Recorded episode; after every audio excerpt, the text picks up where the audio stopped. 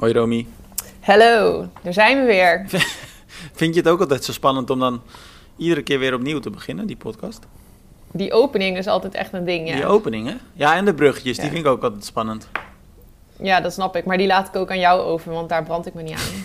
Vingers. Het was een eh, rustig weekje, eigenlijk. Ja, er is niet echt... eh, ja, er was Cartera natuurlijk dan. Verder, was er dit weekend eigenlijk... Wat, wat. Ja, dat nou ja, was je had in, in de- Nederland natuurlijk Amersfoort, de zwemloop. Eh, Mhm. Maar eigenlijk niet verder echt grote internationale wedstrijden of zo. Eh, Geen halve of hele erg. Nee, en dat is wel anders dit weekend, wat er nu gaat komen. Want eh, dit weekend staat er wel echt serieus veel op het programma. Mhm. Maar goed, dat, dat gaan we natuurlijk volgende week dan bespreken. Het is grappig. Het lijkt een beetje allemaal om zwemtechniek te gaan de laatste tijd. Wij hebben natuurlijk laatst bij 3-to-1 coaching die eh, zwemanalyse gedaan. Eh, Nou, hadden we vorige week een, eh, ik vond het een interessant artikel van George Sievering. Natuurlijk Mhm. coach slash voormalig coach van Maya Kingma, Evert Scheltinga, eh, Rob Barrel. Ehm, die had er weer een hele eigen visie over. Of je nou je hoofd naar beneden moet doen of niet en waarom. Ehm, en nu eh, sprak Sebastian Kienle zich uit. En die zei eigenlijk letterlijk: met alleen techniek kom je er niet. Mhm. Maar dat eh, zorgde best wel voor wat reacties eh, eh, bij ons, maar ook gewoon bij hemzelf. Eh, ja, wat, ik vind het op zich best een logische Ja, redenatie. lijkt mij ook. Want hij zegt eigenlijk niks wat fout is, toch? Hij zegt alleen met alleen techniek kom je er niet. Dus eigenlijk voor welk kamp je ook bent, zegt hij eigenlijk iets goeds. Dan, je kunt eigenlijk Mm. toch alleen maar met hem eens zijn als je voor techniek bent en tegen techniek. Ja, maar er zijn natuurlijk ook wel wat mensen die dan op zich ook wel enigszins terecht zeggen: ja, weet je wat het is? Een, een triatleet, kijk, die heeft natuurlijk al voldoende conditie hè, van, het zwemmen, of, eh, van het fietsen en het lopen. Ehm, dus de conditie is natuurlijk het probleem niet tijdens het zwemmen. Ja, maar dat is wel echt wat Eh, anders. Ja, maar het is op zich, vind ik dat wel een valide punt hoor. Nou, ik weet van Evert dat hij met zwemmen, ehm, dat hij echt bepaalde trainingen gewoon moet doen om te zorgen dat hij ook eh, die conditie met, met zwemmen zeg maar houdt. Terwijl ook al traint hij heel Mhm. hard voor het fietsen en het lopen, dan Ja, maar ik denk je niet dat dat is omdat, maar denk je niet dat dat is omdat Evert wel een bepaald zwemniveau moet halen, Ja, weet ik veel, tussen de misschien 45 is en het- 50 minuten? Zeg maar dat het als het bij hem dan niet goed is, dat het eigenlijk maar heel weinig verschilt en dat een ace-groeper daar minder snel iets van merkt. Maar dat het bij hem echt heel goed moet zijn. Of niet alleen bij hem, bij alle pro's eigenlijk. Dat denk ik wel hoor. Ja, ik denk dat het, dat is het misschien het verschil tussen een ace-groeper en een pro. Voor een ace-groeper is het in veel gevallen uiteindelijk valt het minder op als je 20 seconden langzamer zwemt. Want het is niet zo dat je dan Mhm. per se ziet van, oh, ik zit nu niet meer bij de kopgroep bijvoorbeeld. Mhm. Eh, dus misschien is dat Ja, dat. Maar, maar en, en volgens mij is het daarnaast ook wel zo dat eh, als ik dan bijvoorbeeld naar mezelf kijk, kijk of ik nou na één uur uit het water kom op een hele, of na bijvoorbeeld één uur en tien minuten, Mhm. ehm, dan zal ik me in beide gevallen even eh, fit nog voelen. Ik, dat, heeft, dat is geen groot verschil op mijn conditie. Mhm. En terwijl ik die winst misschien wel met techniek kan behalen. Ja, snap ik. Ja, misschien en dat, dat het is dan volgens mij wel voor een ace-groeper eigenlijk nog belangrijker is dus, techniek. Nou ja, maar aan de andere kant denk ik, nee, voor een pro moet alles goed zijn.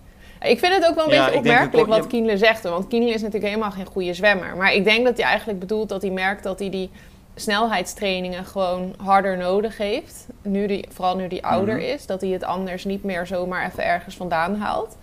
Maar ik zou denken dat eigenlijk iedere atleet baat heeft bij het verbeteren van zijn techniek uiteindelijk. Dus zeker ook Kienle. Ja. Ja, maar wat hij zegt, kijk, en ik- dan lees ik het even letterlijk op. Anders dan met fietsen en met lopen geldt voor mijn, geldt voor mijn zwemmen helaas dat het volgende waar is. Zwaarder en meer is beter. Mhm. Techniek is natuurlijk ook belangrijk, maar met alleen techniek kom je er niet. Niet als je 37 bent tenminste. Nou, kijk, volgens mij kunnen wij er dan heel lang over praten met elkaar. En ehm, eh, alle reacties eh, ook onder die eh, uitspraken van Kienle zijn ongetwijfeld goed bedoeld. Mhm.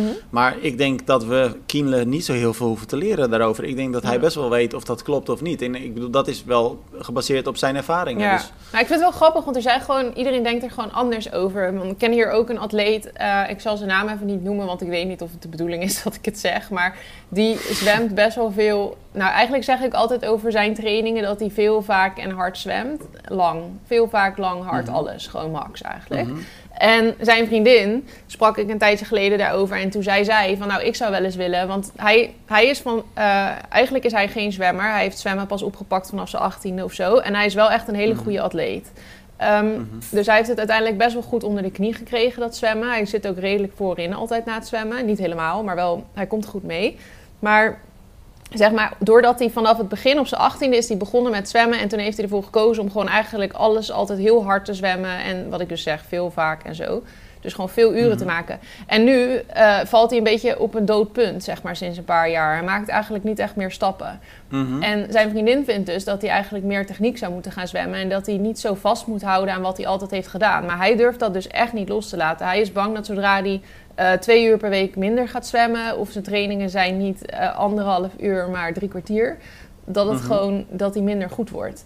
Dus En hoe heeft hij gefocust op techniek toen hij begon met zwemmen? Want heeft hij dan wel een, een trainer genomen Mhm. of een coach? Of heeft hij het echt allemaal zelf ook ge- gewoon gedaan? hij heeft wel een Qua coach. leren. Eh, en ik weet niet Mhm. of dat... Hij heeft nu sowieso een coach. Ik weet niet of dat ook vroeger zijn coach was. Denk het eigenlijk niet. Maar ehm, ik denk wel dat die techniek... dat dat wel een onderdeel ervan is geweest. Maar wel echt een heel klein onderdeel. Want ik zie die training Ja. ook wel eens. En het, het gaat meer gewoon om het zwemmen van eh, snelle honderdjes en zo. En snelle vijftigjes. Hm. Dus veel Ja, minder techniek. Maar hij Ja. durft dat dus gewoon... En ik, misschien heeft zo'n Kiele dat ook wel... dat hij het ook niet echt durft helemaal over een andere boeg te gooien. Want als je heel veel techniek gaat doen... dan heb je logisch ook minder tijd om... Je kunt niet alles doen, zeg maar. Dan lever je wel wat in op dat snelheidswerk en zo.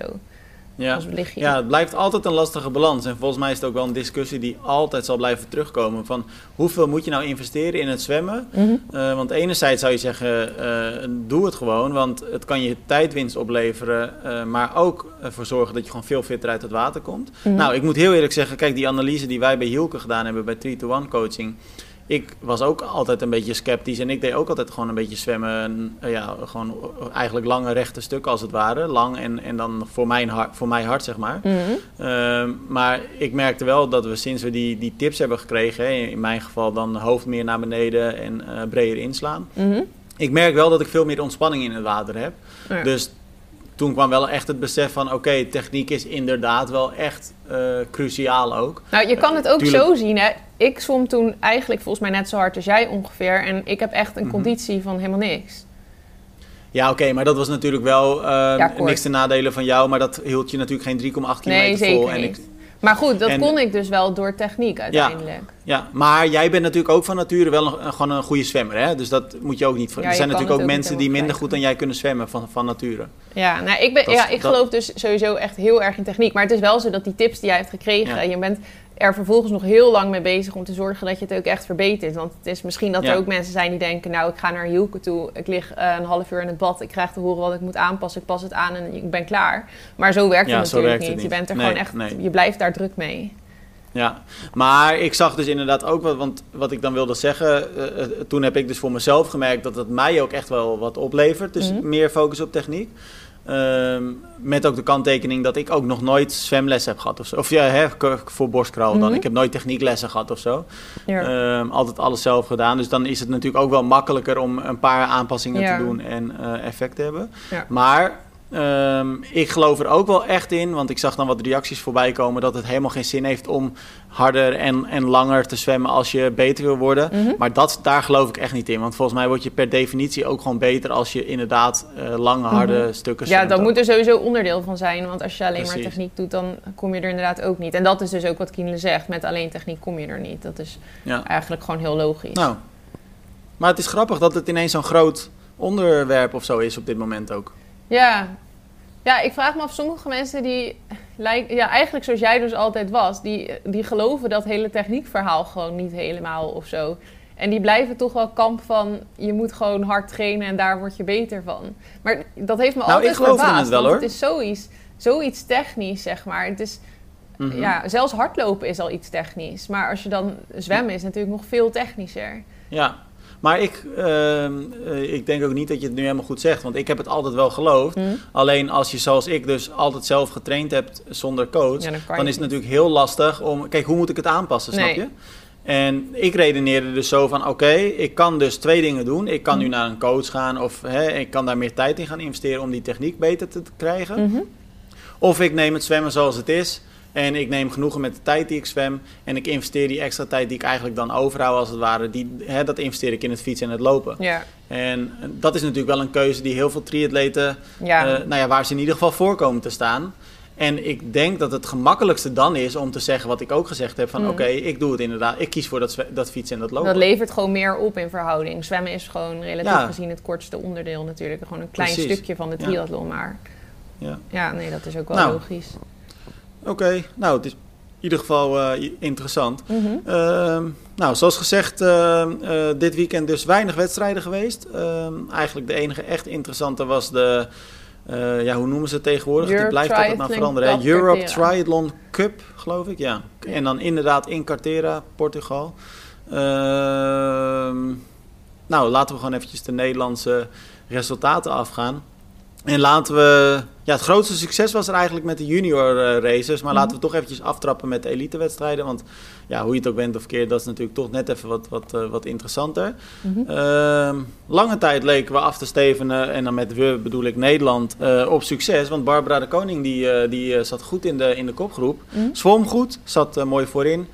fietste goed mee in de kopgroep. En begon dus best wel voortvarend aan het lopen. Maar nou ja, wij hadden natuurlijk vorige week een beetje voorspeld dat ze het wel eens goed eh, kon gaan doen. Mhm. Maar het, was een, eh, het werd een eh, zware run voor de.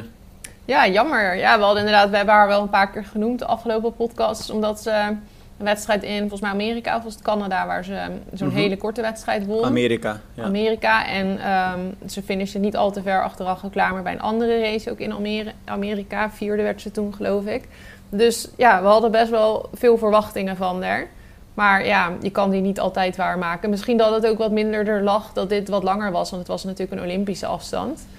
Dat het Ja. toch nog wat eh, voor haar aan de lange kant was. Ze is ook nog wel heel jong. Ja, en het was natuurlijk ook niet het minste veld, hè? Want nou, de wedstrijd Nee. werd gewonnen door eh Beth Potter. Eh, die natuurlijk echt bekend zat om de krankzinnig eh, goede looponderdeel. Mhm. Eh, maar Summer Rappaport stond ook aan de start. de, Sophie Elden. Dus er waren echt wel Ja. wat hele goede dames die daar aan de race waren. Maar ehm, ja, ik denk toch een beetje een off-day gewoon tijdens het lopen. Net niet helemaal de dag. Ja, nou, ik weet ook niet wanneer ze uit Amerika en zo is teruggekomen. Maar ze heeft misschien ook best wel al een flink voorseizoen gehad. Misschien Ja. dat het ook nog Ja. wel eh, ja, pit zwaar is gevallen, zeg maar, het reizen naar Amerika. Of vanuit Amerika hier weer terug naar eh, Europa. Maar eh, nou, het, kan, het kan niet altijd goed gaan. Nee. Nou, iemand die wel mooi binnen de top 20 eh finishte, maar misschien ook een beetje een onderbelichte rol nu heeft gespeeld, omdat eh, Barbara dus zo eh, goed van voren aanvankelijk zat. Maar Mhm. uiteindelijk beste Nederlandse werd eh Rani Skrabanja. Nou, dat is natuurlijk Mhm. iemand die al best wel de nodige ervaring ook heeft internationaal. Ehm, zij finishte na 2 uur 3 en 23 seconden. Ehm, daarmee zat ze, even kijken, snel gerekend, bijna 5 minuten achter de winnares. Ehm, Mhm. Maar 20ste dus, op zich, ja, weet je, in zo'n veld, top 20, is best wel verdienstelijk, toch? Ja, dat is netjes. Ja, bij, bij dat soort races vind ik dat je toch altijd een beetje anders bent in je race. Dus dan, ik weet niet, dan is het eerder goed, zeg maar, dan bij andere races, dan bij middle distances of lange afstanden. Ja, maar dat is ook logisch omdat het zo kort is, hè? Die afstanden zijn gewoon korter. Mhm. Ja, en vijf zit het minuten achter, ja, Beth. Potter, die is natuurlijk gewoon echt een extreem goede loper. En volgens mij is dat waar, bij Rani, waar Mm. het altijd wel wat, haar wat mindere onderdeel, het lopen. Ik weet eigenlijk niet hoe het wedstrijdverloop was nu voor Rani. Want ik heb die race Eh, Rani die zat, eh, kwam van de fiets in de, in de tweede groep. Eh. Vrij kort op de, op de leidersgroep trouwens, op de kopgroep. Ehm, maar ze begon dus wel met een kleine achterstand. Ik denk, uit mijn, ik denk een seconde of dertig of zo aan het lopen. Maar ja, weet je wat het is? Kijk, wat jij ook zegt, toen was het verschil natuurlijk al gemaakt. Mhm. En, ehm, maar ik heb niet het idee dat het wedstrijdverloop heel anders was geweest als Rani in de kopgroep van de fiets afkwam. Nee, precies. Eh, want je, je- wat, je, wat je gewoon ziet is dat die Nederlandse dames ehm, eh, net even tekort komen op dat lopen nog. ja. En dat verschil is ook best wel groot. Ja, maar ja, en dus ook zeker met een Beth Potter die eigenlijk gewoon een hardloopster is. Want die komt ook op hardloopwedstrijden voorin mee. Pakte toen het wereldrecord officieus zelfs op de 5 kilometer of zo. Dat werd toen Mhm. uiteindelijk niet meegerekend omdat het geen officieel parcours was. Maar die kan natuurlijk Dat was volgens mij ook echt 15 minuten nog wat, toch? Ja, die loopt gewoon keihard. Dus ja, dan is dat verschil ook snel al groot. Dan als triatleet... Ja, maar ik ga... Ik, ik, Hm? Mhm.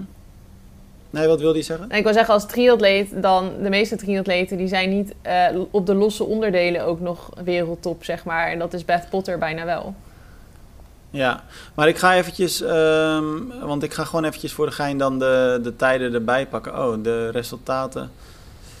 Eh, Oh, dat is, dat is uh, jammer, want ik zit even de uitslagenlijst er nu bij te pakken. En uitgerekend bij Beth Potter heeft blijkbaar de chip niet meegewerkt, waardoor je de looptijd Oh. niet kunt zien. Maar als we dan bijvoorbeeld naar de nummer 2 kijken, Emma Lombardi. Mhm.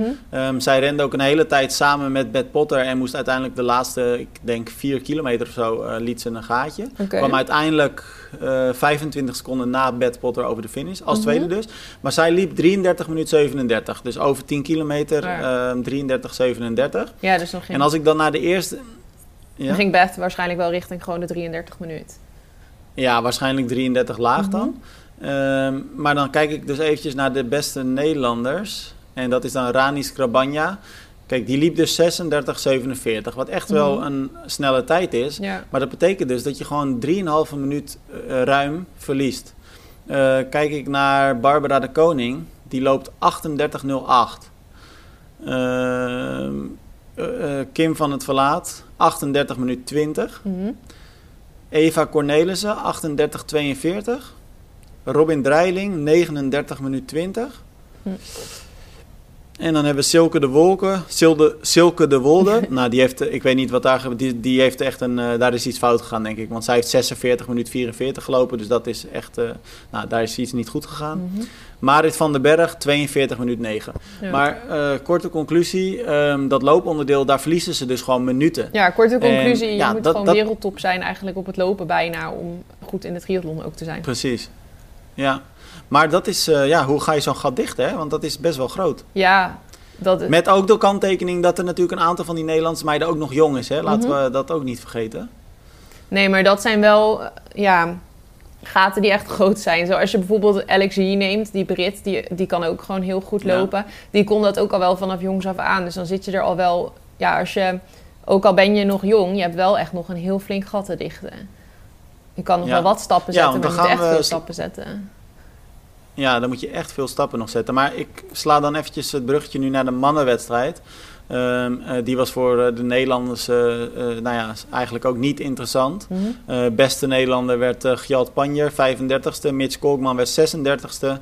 En ehm, Victor Gounet werd 42ste. Ehm, dus ja, allemaal redelijk ver van achter. En dan zit ik eventjes te kijken. Gjalt Panjer die finishte na 1 uur 50. Mhm. En de winnaar, en dat was de Japaner Takumi Hoyo, die finishte Mhm. na 1 uur 46. Dus dat verschil was ook Mm. gewoon 4 minuten. Maar daar werd hard gelopen. Ik weet niet of het precies 10 kilometer is geweest. Mm. Maar die jongen, die liep 30 minuten 41. Maar die Dus of. Hoyo of zo, die loopt altijd wel. Mhm. Hij, ik weet niet of je, hem wel, of je hem wel eens hebt opgemerkt tijdens races, maar hij gaat heel vaak, komt hij goed Ja. voorin van de fiets. En dan gaat hij voorop lopen en daarna stort hij dan eigenlijk Mhm. Ja. altijd in. Maar eerlijk, ik denk Ja. dat hij het nu gewoon ook heeft volgehouden, want dan zakt hij daarna altijd normaal gesproken een paar posities terug. En volgens mij finish je dan vaak nog wel in de top 10 of zo. Maar ehm, Mhm. er was nu natuurlijk ook wel wat minder concurrentie voor hem. Want bij de vrouwen was er nog een redelijk startveld, maar bij de mannen was het volgens mij wel echt wel wat minder. Ja, de mannen was inderdaad een stuk minder. Maar aan de andere kant denk ik eigenlijk dat het lopenkoer toch een beetje te kort is geweest. Want ik Hm. kijk nu naar de top 6 en die lopen allemaal in de 30. Oh ja. Ka- Nee, dat dan zal het inderdaad niet. wel. Ja, je, dat, heel vaak klopt dat ook niet precies natuurlijk. En die ho- En hoor je ook wel kijken, want goed bijvoorbeeld lopen, de maar niet, niet eh, als een Nee, zeg maar. niet- nee, dat denk ik ook niet. En dan kijk ik bijvoorbeeld de mannen 14 tot en met 17. Die hebben ook allemaal in de 30 minuten gelopen. Dan kijk ik naar de Nederlanders. Gjalt Panjer 32 minuten 19.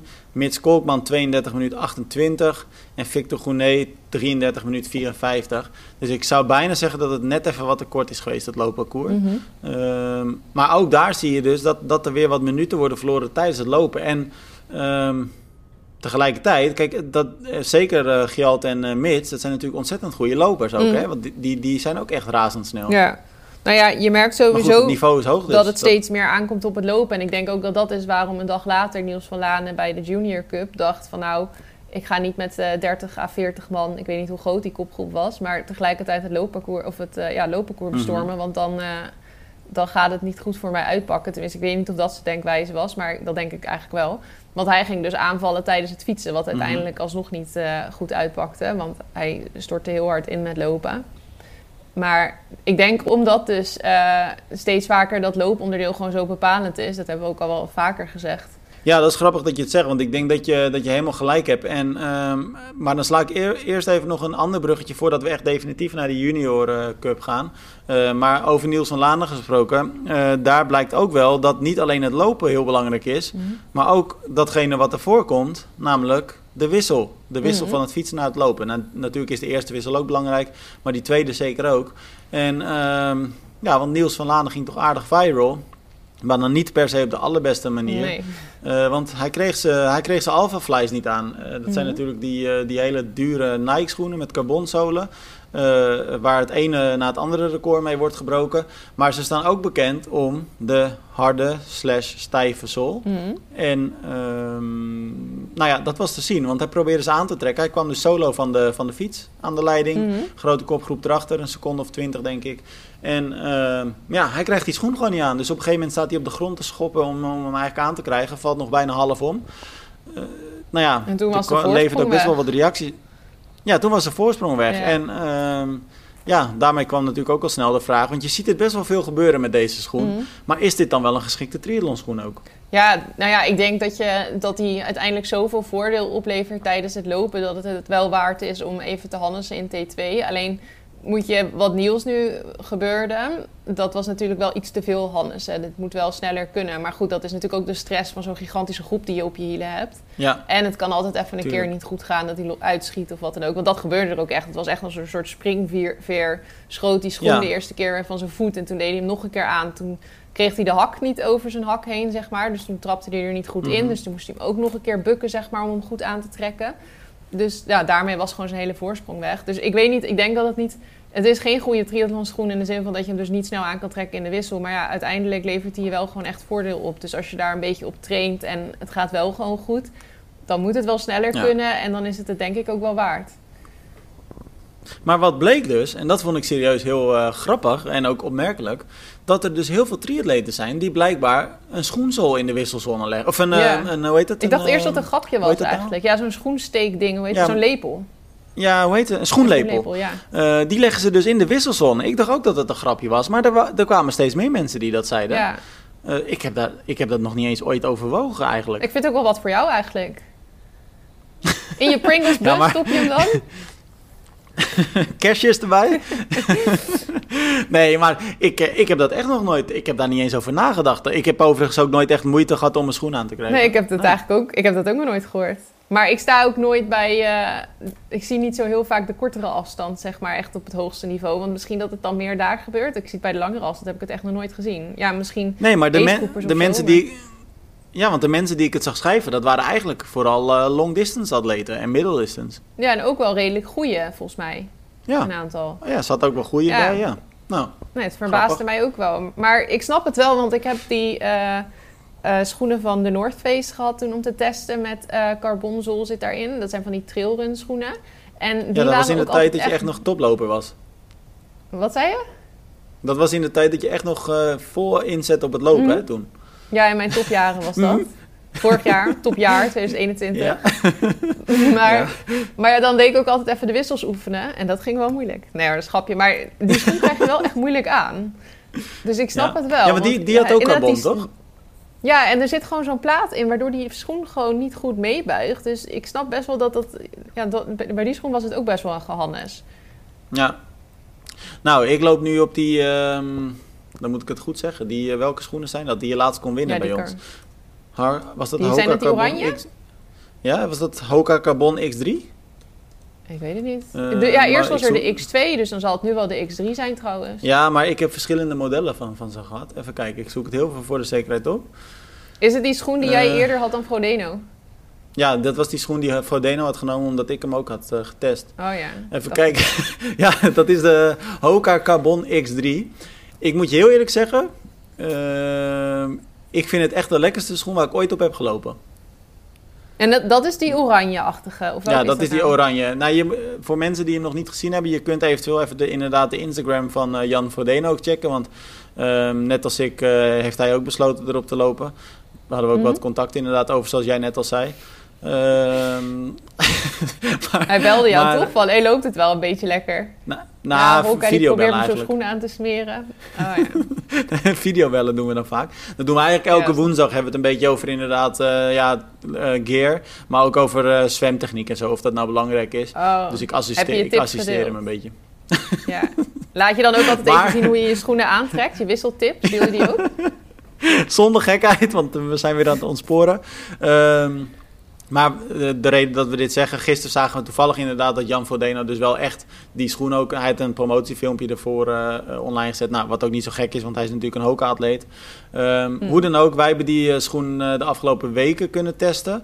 En laatst natuurlijk weggegeven met die hele toffe... Ik vond het in ieder geval een hele toffe winactie met een gratis startbewijs voor de Rotterdam Marathon. En die schoenen kreeg je daar dan bij.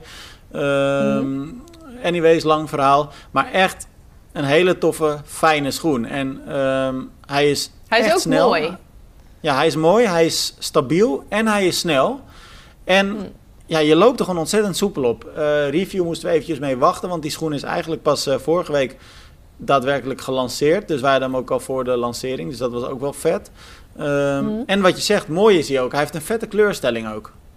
Ja, ja, ik vind deze echt wel mooi. Want ik ben niet altijd groot fan geweest van die Hoka schoenen. Ik vind het soms een beetje een soort marshmallow. Wel echt heel tof eruit zien. Want mm Evert heeft ook een paar van die schoenen met blauw en dan zo'n groene zool. Ja.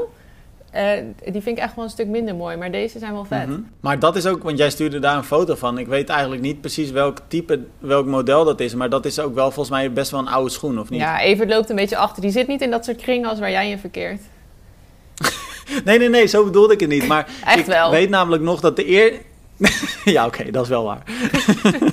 nee, maar ik weet nog dat de eerste keer dat ik uh, Hoka zag... Nou, dat is denk ik inmiddels hm? ook al wel uh, tien jaar geleden, als het niet 2003. meer is. Ja, is waarschijnlijk zoiets. maar toen dacht ik echt van, jeetje, wat is dit voor lelijke schoen? Zeg, wie gaat hierop lopen? Je, nou, met alle respect, ja. je leek net een beetje een debiel. En, ja, um, zo'n boot. Maar het, ik moet zeggen, ik ben op een gegeven moment zelf overgestapt op, op Hoka. Ik vind, ik vind het nu echt een, een mooi design. Mm. Maar ik heb nog nooit ook zo, los van de Carbon X3, maar eigenlijk allemaal Hoka's. En ik heb er best wel veel uh, gehad al. Mm. Ik loop er echt heerlijk op. En ik ben echt vol lof over Hoka. Dus ik zou zeggen, mensen die twijfelen over schoenen. Kijk, mij maakt het niet uit wat je probeert, maar ik zou zeggen, probeer het op zijn minst. Want ik vind het echt een verrijking voor, het, voor, ja, voor, voor mijn lopen, zeg maar. Ja, en maar er zit ook nog wel een verschil in natuurlijk voor, voor, de lange afstand en de kortere afstand. Want ik moet zeggen, Hoka zie ik dus op de lange afstand heel veel, maar ik zie ze eigenlijk niet bij die um, World Triathlon atleten. Nee, maar ik denk echt... Nee, dat, dat, dat idee heb ik inderdaad ook. Maar ik denk echt dat dat gaat veranderen. Want bijvoorbeeld uh, de lange afstand loop ik heel graag op uh, Hoka 11 en 2. Mm -hmm. echt, daar heb ik ook bijvoorbeeld die 100 kilometer op gelopen... zonder ook maar enige last gehad te hebben. Mm -hmm. uh, maar die korte afstanden, nou, die kan je dus echt perfect op deze Carbon X3 lopen. Maar je zou hem ook op die, uh, nou, die X2 vind ik ook echt een topschoen. Ja. ja, volgens mij is het ook perfect voor die korte afstand hoor. Want ik, ik loop daar echt voor mijn doen super hard op. Oké. Okay. Ja, nee, ik ga er eens op letten. Maar ik had het idee dat ik hem nog niet zoveel zie. Maar goed, ze zullen daar vast ook wel een schoen voor ontwikkelen die daar... Want bij de korte afstand heb je vaak veel bochten en zo. Dus dan, soms willen mm -hmm. atleten dan ook weer net een andere schoen... dan ze op een langere afstand graag uh, hebben. Als je echt veel ja, hekjes moet en zo. Maar dat is ook eigenlijk heel gek, hè? Want, want alle onderzoeken tonen ook bijvoorbeeld aan dat die Alpha Fly en ook die Vaporfly en zo, mm, die dat die helemaal niet gemaakt zijn voor dat soort bochten. Nee. Nee, ik geloof dan volgens mij de Vaporfly nog iets meer of zo dan de Alpha Fly of andersom. Ja. Maar klopt. ja, ik weet wel dat sommige atleten er dus ook voor kiezen om op de kortere dan bijvoorbeeld de Vaporfly en dan op de langere de Alpha Fly te lopen. Of dus andersom. Ik weet ah, ook ja. niet precies hoe ja, het zit. Ja, ja. Maar uh, nee, hm. ik vind inderdaad, de hokenschoenen zijn er beter uit gaan zien, wou ik nog zeggen. Wat jij, want jij zegt net van dat je ze vroeger toen zag en dat je dacht van wat is dit? Dat had ik dus ook altijd. Ik vond het echt van die boten. Maar ik zit me nu wel af te vragen of ik ben gewend aan het feit dat die schoenen zo'n gigantische zool hebben. Of dat die zool ook gewoon iets minder gigantisch is geworden door de jaren heen. Ja, dat vraag ik me ook af. Ja, dat, dat weet ik. ik heb wel het idee dat het echt wel kleiner is geworden. Dat, dat ze wel echt kleiner geworden zijn hoor, die zolen inderdaad. Ja. Nou ja, het is in ieder geval een toffe hm. schoen, die nieuwe. Nou, ja, iemand die niet op Hoka liep, maar uh, wel uh, uh, goed liep. Mm. en sowieso gewoon goed presteerde. Luna de Bruin, afgelopen weekend. Want dan gaan we gewoon weer eventjes terug nog naar Cartera, waar ehm, ook nog de Junior Cup een dag later mm -hmm. op het programma stond, afgelopen zondag. En nou ja, net geen podium helaas, maar vierde, netjes. Ze was dolblij, zag ik wel bij de finishbeelden. Ze Mhm. kwam over de finish alsof ze zeker wel podium had. Want eh, nou, het was ook gewoon een hele mooie prestatie dat ze vierde werd. Ze liep heel sterk. Ze haalde met lopen echt veel atleten in. Berthe kwam ook nog een hele tijd echt goed in beeld. Omdat ze ja, gewoon zo'n heel groepje voorbij liep en uiteindelijk daar ook wegliep. Mhm. En eh, ja, wel, ik vind het wel heel knap van haar dat ze vier Ja. is geworden. Ze heeft een sterke race eh, neergezet. Leuk ook wel om te zien dat het een heel, echt een heel weekend aan races was zo. Ja, en zaterdag en zondag. Ja. Ja. En we Ja. hebben Niels van Laan uiteindelijk niet meer genoemd hoeveelste die is geworden, denk ik. Nee, Die maar weet ik eigenlijk ook niet daar komen zo. Ja, die werd eh, volgens mij eh, ook iets van 26e geloof ik of zo, toch? Ja, Even kijken, ik zoek het op. Ehm, Niels van Laan inderdaad 26e, bijna drie minuten achter de winnaar.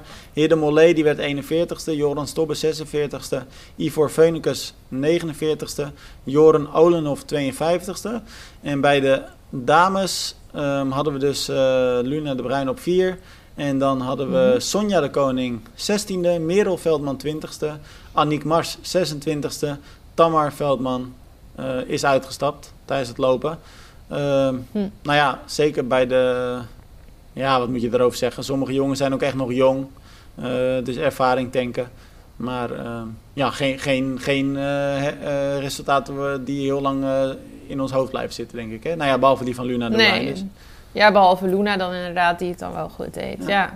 Oké. Nou, dit weekend eh, veel we- wedstrijden. Jij eh, gaat zelf bij een wedstrijd kijken in Afrika. Evert gaat ook racen. Nou ja, een wedstrijd, gewoon een long distance. Dus het gaat weer helemaal los daar. Het Afrikaans kampioenschap. ja. Afrikaans kampioenschap ook nog eens, ja. Nou, leuk. Mhm. Een wedstrijd die heeft natuurlijk altijd pakt, eigenlijk, de laatste jaren. Mhm. En eh, zelf eh, ben ik in Salau, of althans, ben ik dit weekend in Salau. En eh, eh, volgens mij gaan we daar ook een geweldige wedstrijd eh, krijgen met een prachtig deelnemersveld. En dan hebben we Mhm. natuurlijk ook nog Oceanside, eh, gewoon ergens Mhm. weer aan de andere kant van de wereld. Die, nou ja, daar staat, daar staat ook weer een prachtig veld aan de start. Hè? Ja, die wordt ook wel vet. Ik denk Ja. dat het allemaal wel echt vette races worden. Goed raceweekend Ja. wordt het. Mooi toch? Leuk. Ja, zeker. ja. Ja, zeker. Ja, ik vind het heel leuk. Ja, ja, ja ook- ik vind het altijd mooi, dat enthousiasme. Ik, ik, ik heb dat wel eens vaker gezegd, maar dat is wel eh, leuk om te horen altijd. Je straalt het helemaal uit. Ja, ik zit hier ook echt met een big smile achter de computer. is dat eigenlijk echt. vlak bij jullie, eh, vlak bij, eh, waar jullie zitten, oh, die wedstrijd? Of is dat heel erg anders? Nee, Zuid-Afrika is echt zo groot. Het zit dus, als je op de Ja, kaart kijkt, dan denk ik. je, oh, het, het ligt best dichtbij. Want dan de Mhm. rest is nog veel verder weg. Maar het is negen uur rijden, dus het is niet echt dichtbij of zo. Het is Jezus, eigenlijk net en zo ver wanneer als dat jullie... jij naar Salau gaat misschien wel. Nou, dat is inderdaad ver. Maar- Nou, nog verder dus. Maar waar gaan jullie... ehm, eh, wanneer gaan jullie weg dan? Eh, donderdag. En dan rijden we gewoon de hele dag en dan komen we daar s'avonds aan. En is de wedstrijd zaterdag of zondag? Eh, zondag. Salau ook, toch? Ah, oké. Ja. S- ja, zal- en volgens mij is Oceanside zaterdag. ja. Ja, die is zaterdag. Oké. Ja, nee, leuk. Nou. Ik heb er wel echt zin in. Zijn er eigenlijk ook nog korte afstandsraces dit weekend? Denk het niet, of wel? Eh, zal ik eens kijken gelijk? Ik heb de website toch voor me staan. Ik geloof het eigenlijk niet. Eh, even kijken. Mm, ja, zeker wel. Wel. De Asia Triathlon Cup en South Asian Championship Oh, Pokhara. Nou, Oh, hoe ja. kan je die nou missen, jongen? Toevallig weet ik iemand die daar meedoet. Daarom Oh, wist ik oké. ervan trouwens. Maar ik was het even vergeten. Even coacht iemand, een Indische vrouw, en die gaat daar racen. Ah, oké, dat is wel grappig. Oké. Ja. Nou, je hebt nog een eh, wedstrijd in Zimbabwe, Afrika Cup. Eh, je hebt nog de Oceana Triathlon Junior Cup in Mount Mangawani. Mhm. Nieuw-Zeeland. Eh, maar eh, ja, je hebt zeker wel nog iets wat voor ons Nederlanders ook interessant is. Je hebt de Europe Triathlon Junior Cup in Melilla. Oh ja. Dat had ik En trouwens ook gewoon de normale European Europe Triathlon Cup in Manila, Melilla. Dus, ja, ik zag het eh, inderdaad nu ja. het zegt op Facebook of Instagram ergens voorbij komen. Volgens mij ging Robin Dreiling of zo ging daar ook racen. Ik denk dat ik het bij Ik haar ga eens even kijken. Bij de elite mannen hebben we van de Nederlanders... Mitch Kolkman, Gjalt Panjer, Jesse Kuipers. Mhm. Eh, bij de, nou, bij, van Jesse Kuipers ben ik ook wel benieuwd. Die heeft het vorig seizoen ook niet echt denderend gepresteerd. Had veel pech. Hm. Dus het zou wel leuk zijn als hij nou een keer eh, wat beter eh, ook gaat presteren. Eh, bij de dames Barbara de Koning, Kim van het Verlaat en inderdaad Robin Dreiling. Mhm. En dan even kijken, zal ik ook nog heel even bij de junioren kijken. Eh, junior Cup. eh, Die combineren het natuurlijk gewoon. waarschijnlijk de meeste wel inderdaad. Even kijken. Junior Cup, mannen. Oh, geen Nederlanders. Oh. Dus die junioren die zijn huiswaarts. Nou, er stonden er zoveel in Cartera aan de start. Ik dacht dat Ja, we er nu hier ook wel... ehm, Even kijken bij de dames dan. Eentje maar, Sonja. Sonja de Koning. Oké.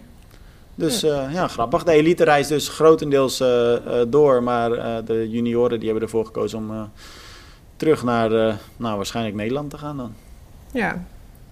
Of ze, ja, je moet nu natuurlijk ook wel een beetje kiezen, hè, want er komen wel weer heel veel wedstrijden aan de komende tijd. ja, terwijl het eigenlijk ook nog best wel vroeg is. Het is nog niet eens april. Nou ja, over twee dagen wel. Nee, maar dat is ook wel echt een groot probleem nu op de kalender, hè, want alle wedstrijden zitten bij elkaar. Ja. Het wordt volgens mij echt een krankzinnig seizoen wat dat betreft weer. ja, ik heb wel het idee dat er iets minder misschien ehm, pro-races zijn voor de, voor, van Ironman. Op de halve afstand. Ja, hè, dat idee heb ik ook. En op de Ja, hele trouwens dat- eigenlijk ook wel. Ja, dat idee heb ik eigenlijk ook wel inderdaad. Steeds meer age Hm. group only. Ja, dat klopt, ja. Nou ja, dat eh, is een keuze die ze blijkbaar eh, gemaakt hebben. Mhm. Maar eh, volgens mij hoeven we ons dit jaar niet te vervelen. Volgens mij gaat er genoeg komen. Nee, dat niet. En er is geen corona meer, toch? Nou ja, nee, eh, volgens mij niet. Ja, er zijn ongetwijfeld nog landen met, ja, corona is er nog wel. Maar volgens mij zijn de meeste maatregelen wereldwijd... Ik weet, ja, ik weet het niet zo heel goed. Kijk, in Nederland zijn we natuurlijk eigenlijk van alle maatregelen nu af. Maar dat zal ongetwijfeld in andere landen nog anders zijn. Ja, wij hebben nog wel maatregelen. Wij moeten nog mondkapje op en zo. Maar het, het wordt wel steeds minder. Ik geloof dat ik in het vliegtuig nog wel een mondkapje op moet vrijdag. Oh, ik dacht dat ze daar eigenlijk ook mee Eh, gestopt waren. Nee, volgens mij openbaar vervoer is gestopt, behalve de vliegtuigen nog. Dus de Oh, Oké, luchtvaart. maar volgens mij op Schiphol hoef je dan denk ik geen mondkap meer. Nee, volgens mij is dat, klopt dat inderdaad. Volgens mij hoeft dat niet. Nou ja, het, eh, volgens mij is dit niet per se heel interessant Nee, nog alle eh, de maatregelen kunnen jullie vinden op onze website. Nee, kijk nou uit wat je zegt, want anders wordt, hoe heette die ook weer? die man, Oh, ja. hoe heette die, die Arie of zo? Wat Van de was het? biggetjes. Van de biggetjes, die wordt dan boos. Ah ja, Ja. zoiets. Fel varken. Oké, Romy, tijd om de Ja, podcast... het is eh, echt tijd om te stoppen. ja. Maar ik vind het wel gezellig weer een beetje dat bijkletsen met je hoor. Ja, nou, ik dacht dat je me niet Dat- zo enthousiast vond. Maar ik ben blij dat het toch meevalt. Nee, maar ik zorg dan zelf voor dat enthousiasme. Ja. Maar ehm ik doe goed altijd wel, hè? Ik denk dat er ooit nog een keer een podcast-editie komt à la monoloog. Dat jij gewoon in je eentje bent. Uiteindelijk zal ik zo wel eindigen, denk ik. En dan lach je heel hard om jezelf. nou, ook dat sluit ik niet uit. Oké, Romy, ik spreek je Yo. volgende week. Veel plezier Doei. dit weekend en eh, tot later. Jij ook. Doei.